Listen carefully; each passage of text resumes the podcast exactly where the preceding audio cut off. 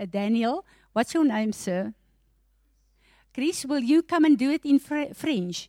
Just to receive the word and say, God, I stand in the gap and I say that what you release on earth, we receive and we ask you to raise us in that. Because the Lord says in, in uh, um, uh,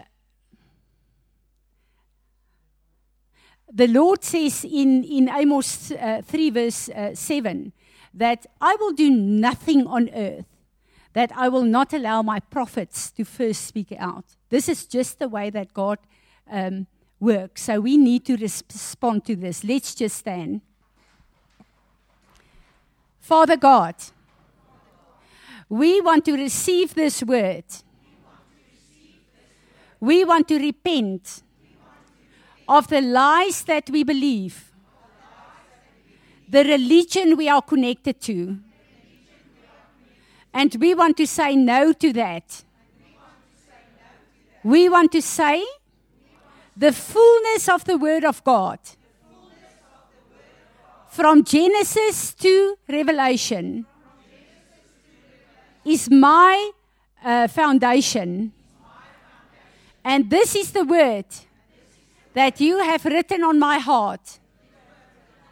And I choose to make this the source of my life. Please forgive me for the wrong opinions, the wrong words, the criticism that came from my mouth. And I pray that you will enlarge me, give me the capacity when the shocks come, that my awe for you will just rise to a level that will bless your throne. So we want to position ourselves in 2020 for what you choose to do in and through us. I pray for a new anointing of warfare according, to your plan and purpose. In Jesus' name. Amen. Let's be seated. Daniel, come quickly. I just want you to say, Lord, we receive it in situ, and that uh, uh, uh we want to ask you to establish us in this. Krish, please come to the front. R uh, Ruben, jy gaan Afrikaans vir ons doen asseblief. Dankie. Okay, Daniel? Net in situ, just in short to say, Lord, thank you for this word. We receive it and we ask you to establish us in that.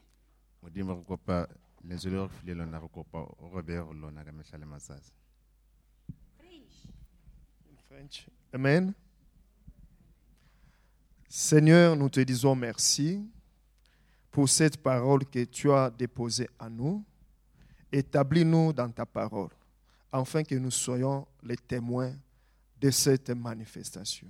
Amen.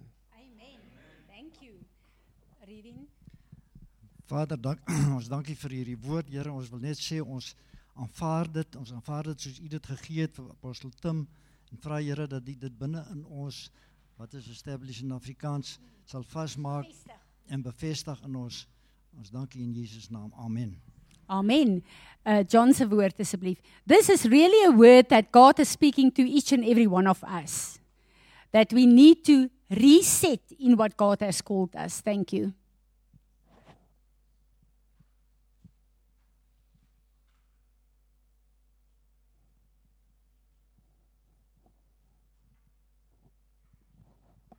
uh, a letter with a seal being pushed uh, down on it, which means that it was a. The thing that really just uh, caught my attention is that these assignments that we have.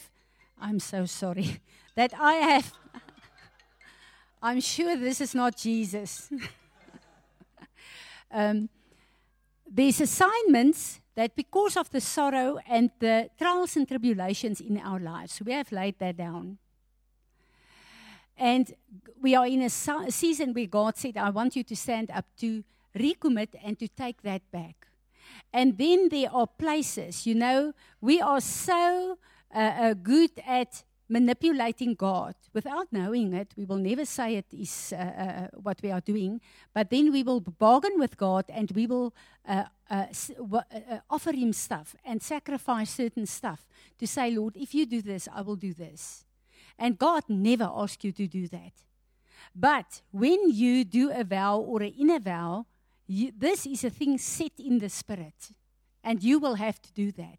So I want us this morning to stand up and to say, God, we want to ask forgiveness for everything that we promised, that we, we vowed, and that we sacrificed to you that you did not ask from us.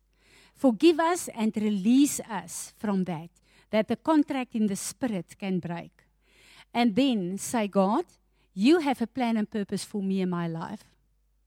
And I want to come this morning anew and I want to ask you to give it back. Each and every one of us is a scroll, an assignment from heaven that needs to manifest on earth.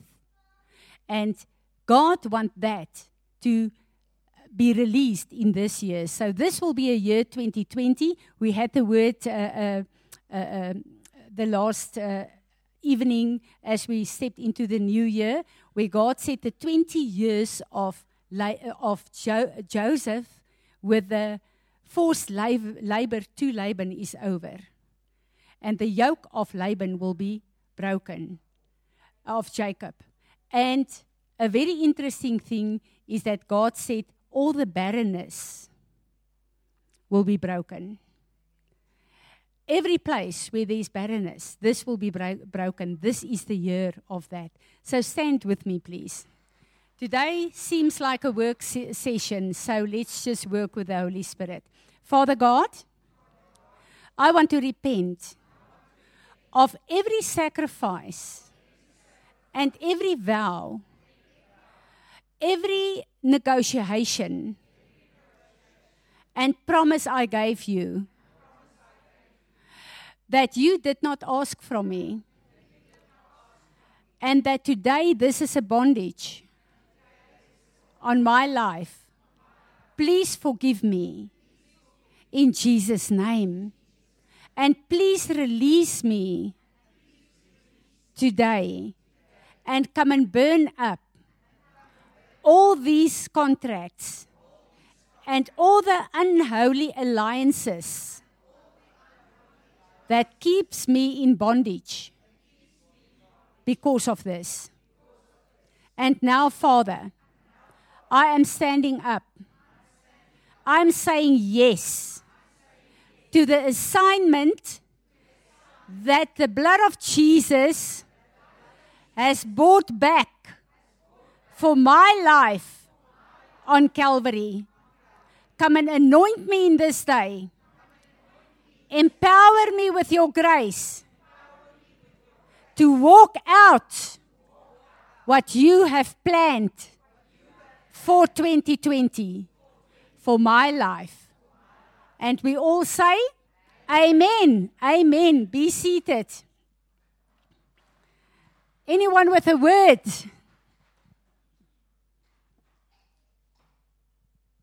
I want to see what's going on in the spirit world. as we were doing this um, whole word of them and, and and this one that we that we now did, I suddenly saw you know us all in the church, and I saw that we we all have um, you know this um, what's wapenrusting in Engels? Armor, you know that, and but especially we all have spears in our hands, and um, as we prayed through this whole thing, you know. Um, what's what's interesting to me, you know, there was a lot of angels released, and next to each one, you know, um, an angel um, stood next to him uh, with, you know, to give support to what is to come and what needs to be walked out. So, Father, we want to thank you for angelic help that you are sending us and releasing to us in this year, in Jesus' name. Remember the word that the uh, Lord gave to us as Perez? You are my warrior bride. And we, the Lord said He will use us as a firewall to stop things even coming into this country. So I really believe it's it's uh, part of that. Uh, Kent Christmas, uh, we started with his word last year as well, And to us, every year when God releases a word through him, uh, that exactly comes to pass. And how? What does the word teach us? Uh, how do you test a true prophet? If the word comes to pass. So, this is really a word that I want us, it's a, a bit long, to listen to because we are also going to repent and position us for this year. Is that okay with you? So, thank you, Marinus. Just go for it. I will show you when you can stop. I really think this is such a profound word. So, I've uh, put it on the Perez um, group. Go and listen to the rest. But the whole thing is God is going to clean up his church. And uh, what we are busy in, uh, what Apostle Natasha is busy in Perez, God started last year already uh, to, to minister into the priesthood. Now, as I said to you, that the word minister and the saints of the work of ministry, the work of ministry is the work of a priest. And last week I touched on um, we as Christians that really are so good on taking scriptures and making it a cliche. So, who of you think that you are a priest in a holy nation? Royal priesthood in a holy nation? We all are, because this is what God says we are. And I went to the scripture in, in Exodus as well. There's uh, uh, quite a, uh, I think it's about 68 uh, verses that we have been called a, in a priesthood and a holy nation. And last week we touched a bit on on the priesthood, so we are going into this the next few Sundays to really understand what we are actually quoting the whole time. I'm, I'm a royal priesthood, I'm a holy nation. And I touched yesterday, to, uh, last week, to say we as women needed to repent, to say, we always looked at the men and said, You must be a priest. You must uh, uh, be the priest in the house. You, we actually totally abused that word. We are all priests. And of course, in the role of the family, there's a specific place for the men as the head of the house. But this is not about this. This is about being priest of God, each and every one of us. And uh, last week we touched on why did God do the tabernacle in the Old Testament. That's a picture of who Jesus is. When Adam and Eve sinned in the paradise, they closed the door for God to enter the earth. And God loved, loved them so much. He loves us so much. He wants a place to dwell with us on earth. So he had to, God cannot dwell where sin is.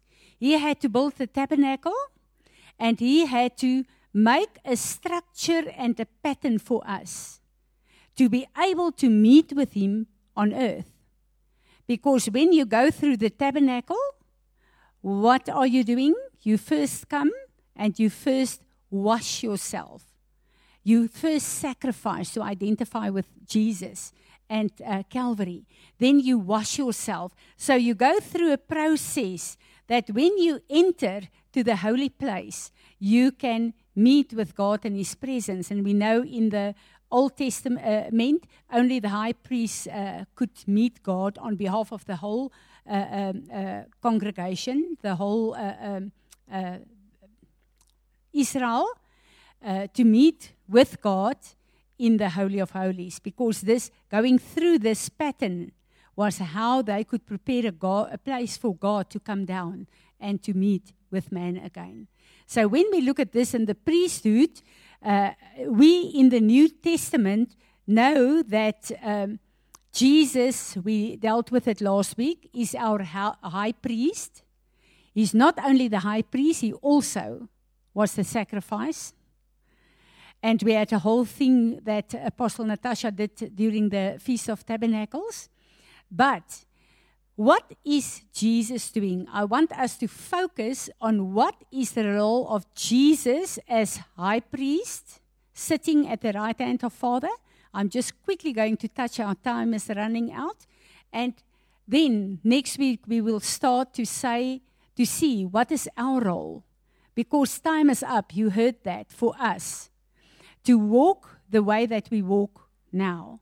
there's a new dimension where God is calling us to our place as priests, that we will be connected to God 24 7 for what God is about to do on earth.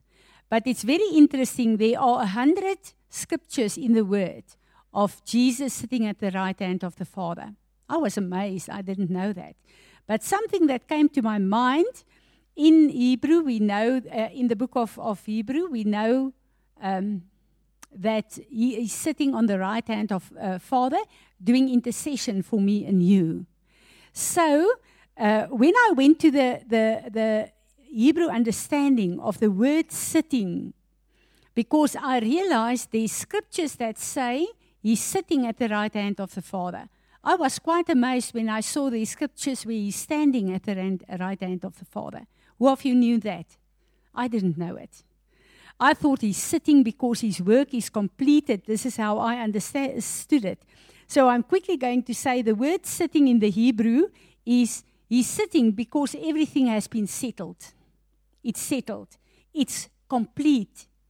He will remain there in that position. He dwells there and he is immovable from that place on the right hand of our Father. What is the uh, uh, role? What is he doing there? He's interceding for you and me. He is fighting for me and you. This is the place where you command the angels and send them out to fight for us. 1 Peter 3, verse 24. Uh, Psalm 110, verse 1. Romans 16, verse 20. He sits there fighting for us, releasing the angels until his enemies and our enemies, according to his will, is under our feet. Not his feet, our feet. So this is the place. This is what he's doing. And he's our advocate. So whenever the enemy comes to accuse us, he's our advocate. Every accusation coming in, if we repented, the blood of Jesus, our advocate, uh, comes to the front and wipes that out. So he's our advocate sitting at the right hand of our Father. But this was so important, and this is really a revelation to me. Acts 7, verse 55. But he, full of the Holy Spirit and controlled by him, gazed into heaven and saw the glory, the splendor, and the majesty of God, and Jesus standing at the right hand of God. So this is uh, Stephen when he was uh, was uh, stoned. Uh, he saw Jesus, but standing, not sitting. Why did he stand? What is the meaning? What's happening when Jesus is standing? When Jesus is standing, he is holding up the covenant.